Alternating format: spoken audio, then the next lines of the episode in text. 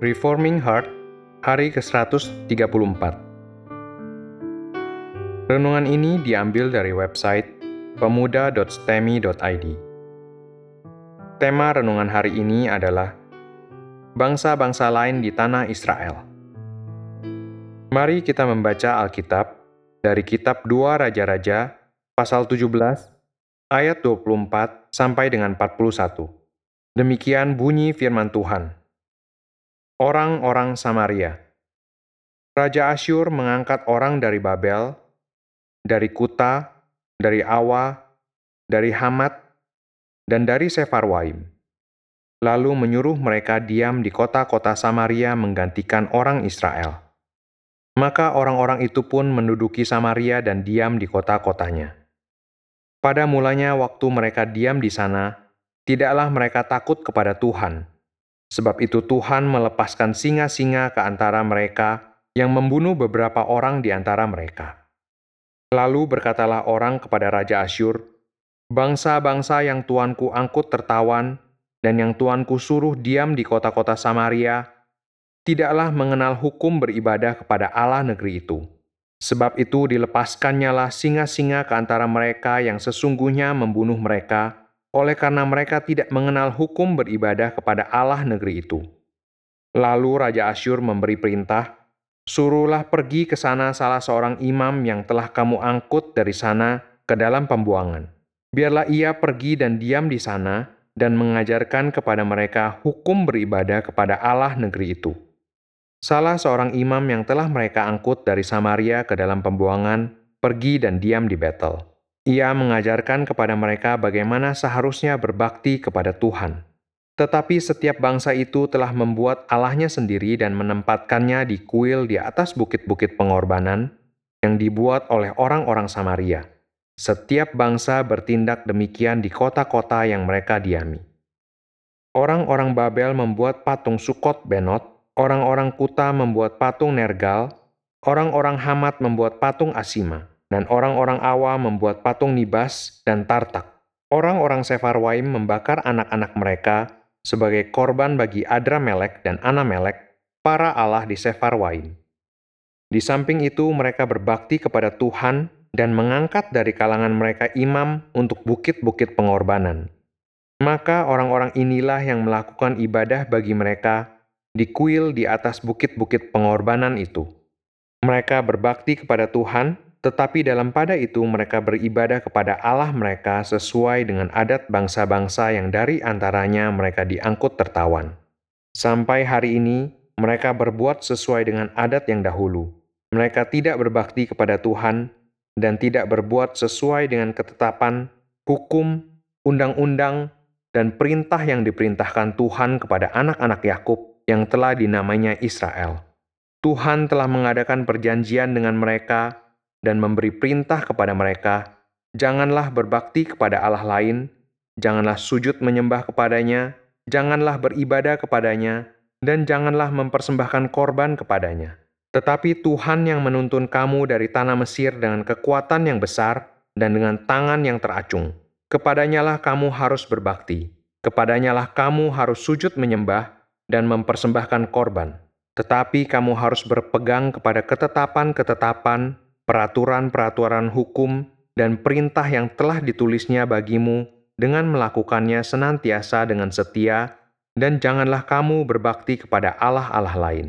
Janganlah kamu melupakan perjanjian yang telah kuadakan dengan kamu, dan janganlah kamu berbakti kepada Allah lain. Melainkan kepada Tuhan Allahmu, kamu harus berbakti. Maka ia akan melepaskan kamu dari tangan semua musuhmu. Tetapi mereka tidak mau mendengarkan melainkan mereka berbuat sesuai dengan adat mereka yang dahulu. Demikianlah bangsa-bangsa itu berbakti kepada Tuhan, tetapi dalam pada itu mereka beribadah juga kepada patung-patung mereka. Baik anak-anak mereka maupun cucu cicit mereka melakukan seperti yang telah dilakukan nenek moyang mereka sampai hari ini.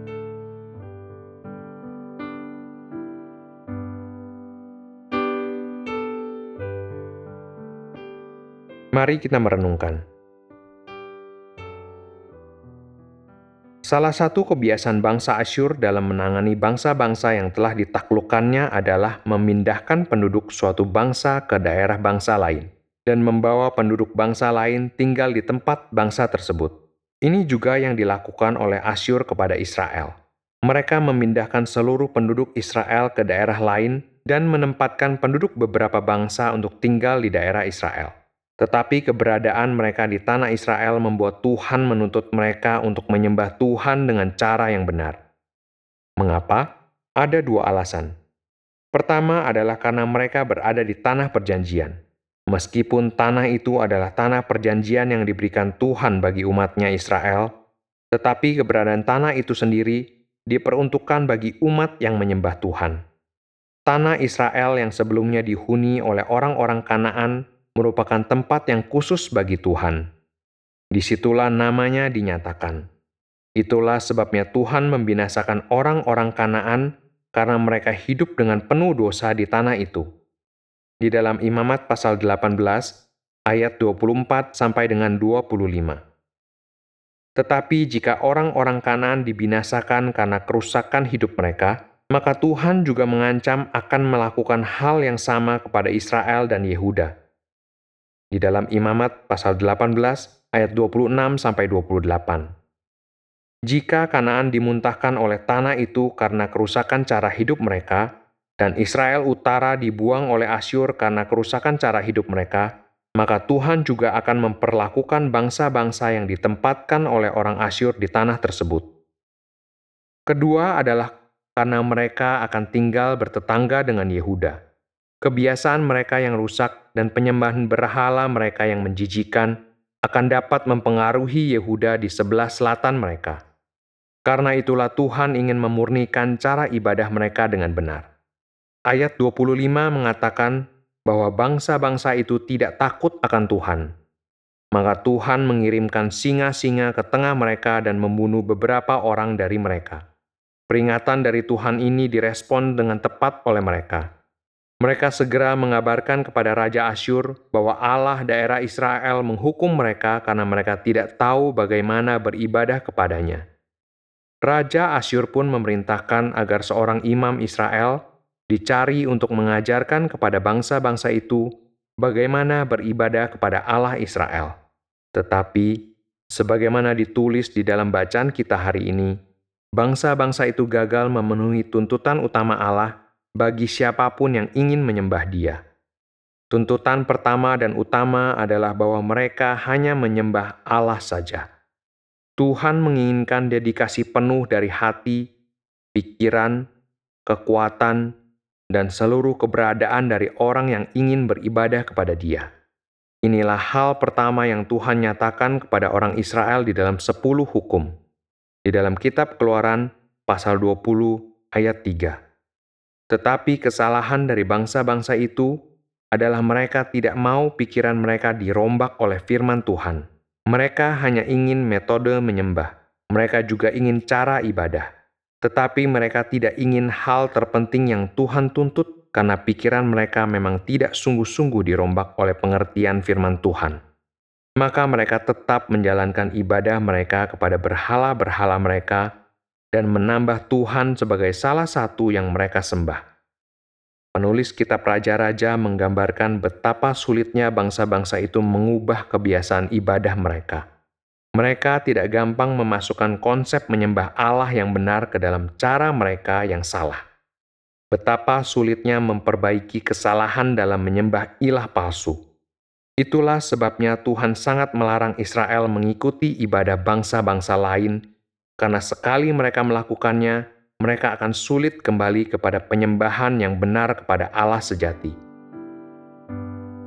Untuk direnungkan, Tuhan memanggil umatnya keluar dari persekutuan dengan dunia ini agar mereka tidak dipengaruhi oleh dunia ini dalam menyembah ilah palsu.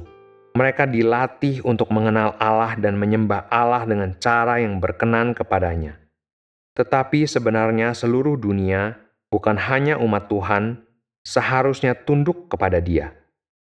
Tuhan menginginkan ini terjadi di tanah tempat Dia menyatakan kehadirannya tetapi ternyata bangsa-bangsa lain hanya sujud kepada Dia sebagai salah satu dari dewa-dewa mereka. Tuhan memanggil kita untuk beribadah kepada Dia saja. Tuhan menuntut seluruh hati kita diberikan kepada Dia. Tidak ada metode, cara, dan ibadah apa pun yang akan menyenangkan hatinya kecuali dilakukan dengan hati yang sepenuhnya terarah kepada Dia.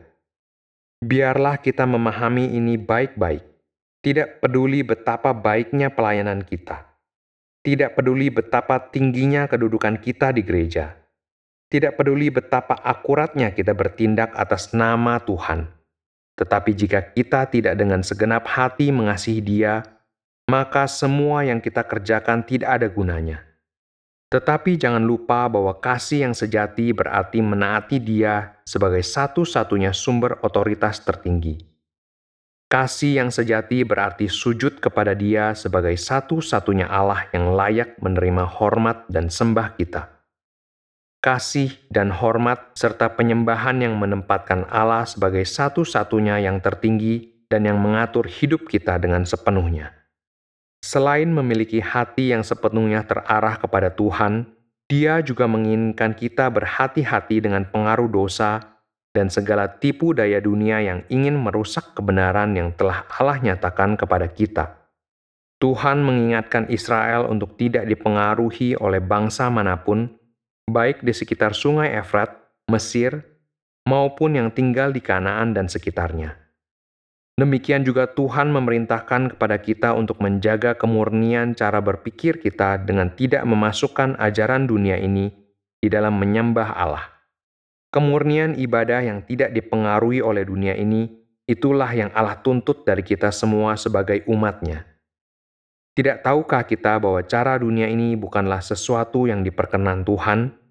Tidakkah kita sadar bahwa pergeseran konsep, iman, dan ibadah kita akan bergeser dengan cara yang makin rusak jika kita tidak menjaga kemurnian hati kita di hadapan Tuhan? Tidakkah kita tahu bahwa sekali saja kita telah dipengaruhi oleh agama-agama dunia ini, beserta ajaran-ajaran dunia dan hikmatnya yang tidak mengenal Allah, maka akan sulit bagi kita untuk memperbaiki segala kerusakan cara berpikir yang telah kita miliki. Lihat betapa sulitnya Israel kembali kepada Allah.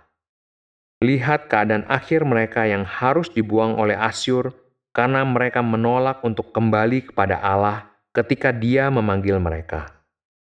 Lihat bahkan Elia dan Elisa pun tidak sanggup memberikan pembaruan iman yang total kepada seluruh bangsa itu. Tidak menyembah Allah dengan cara yang seharusnya adalah perkara yang sangat besar. Kegagalan kita menyembah Allah yang sejati dengan cara yang seharusnya adalah jalan masuk untuk semua jenis dosa yang lain yang telah mengintip di depan pintu dan menanti saatnya dia bisa masuk. Begitu juga dengan bangsa-bangsa lain yang tinggal di daerah Israel setelah Asyur menghancurkan Israel. Mereka tidak bisa mengubah cara penyembahan berhala yang telah berabad-abad mereka anut.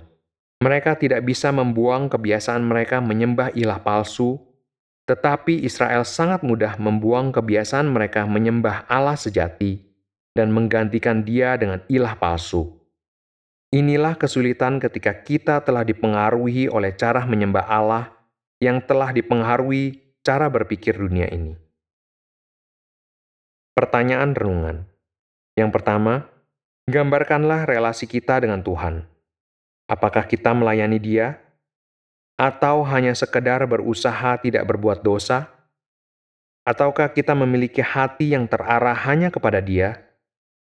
Mari kita belajar untuk memiliki kehidupan rohani yang mendedikasikan hati kepada Tuhan sepenuhnya. Yang kedua, seberapa pentingkah bagi kita untuk menjaga pengaruh dunia ini masuk ke dalam cara kita menyembah Allah? Apakah ibadah kita di gereja telah mencerminkan usaha menjaga kemurnian kita menyembah Allah dari segala pengaruh dunia?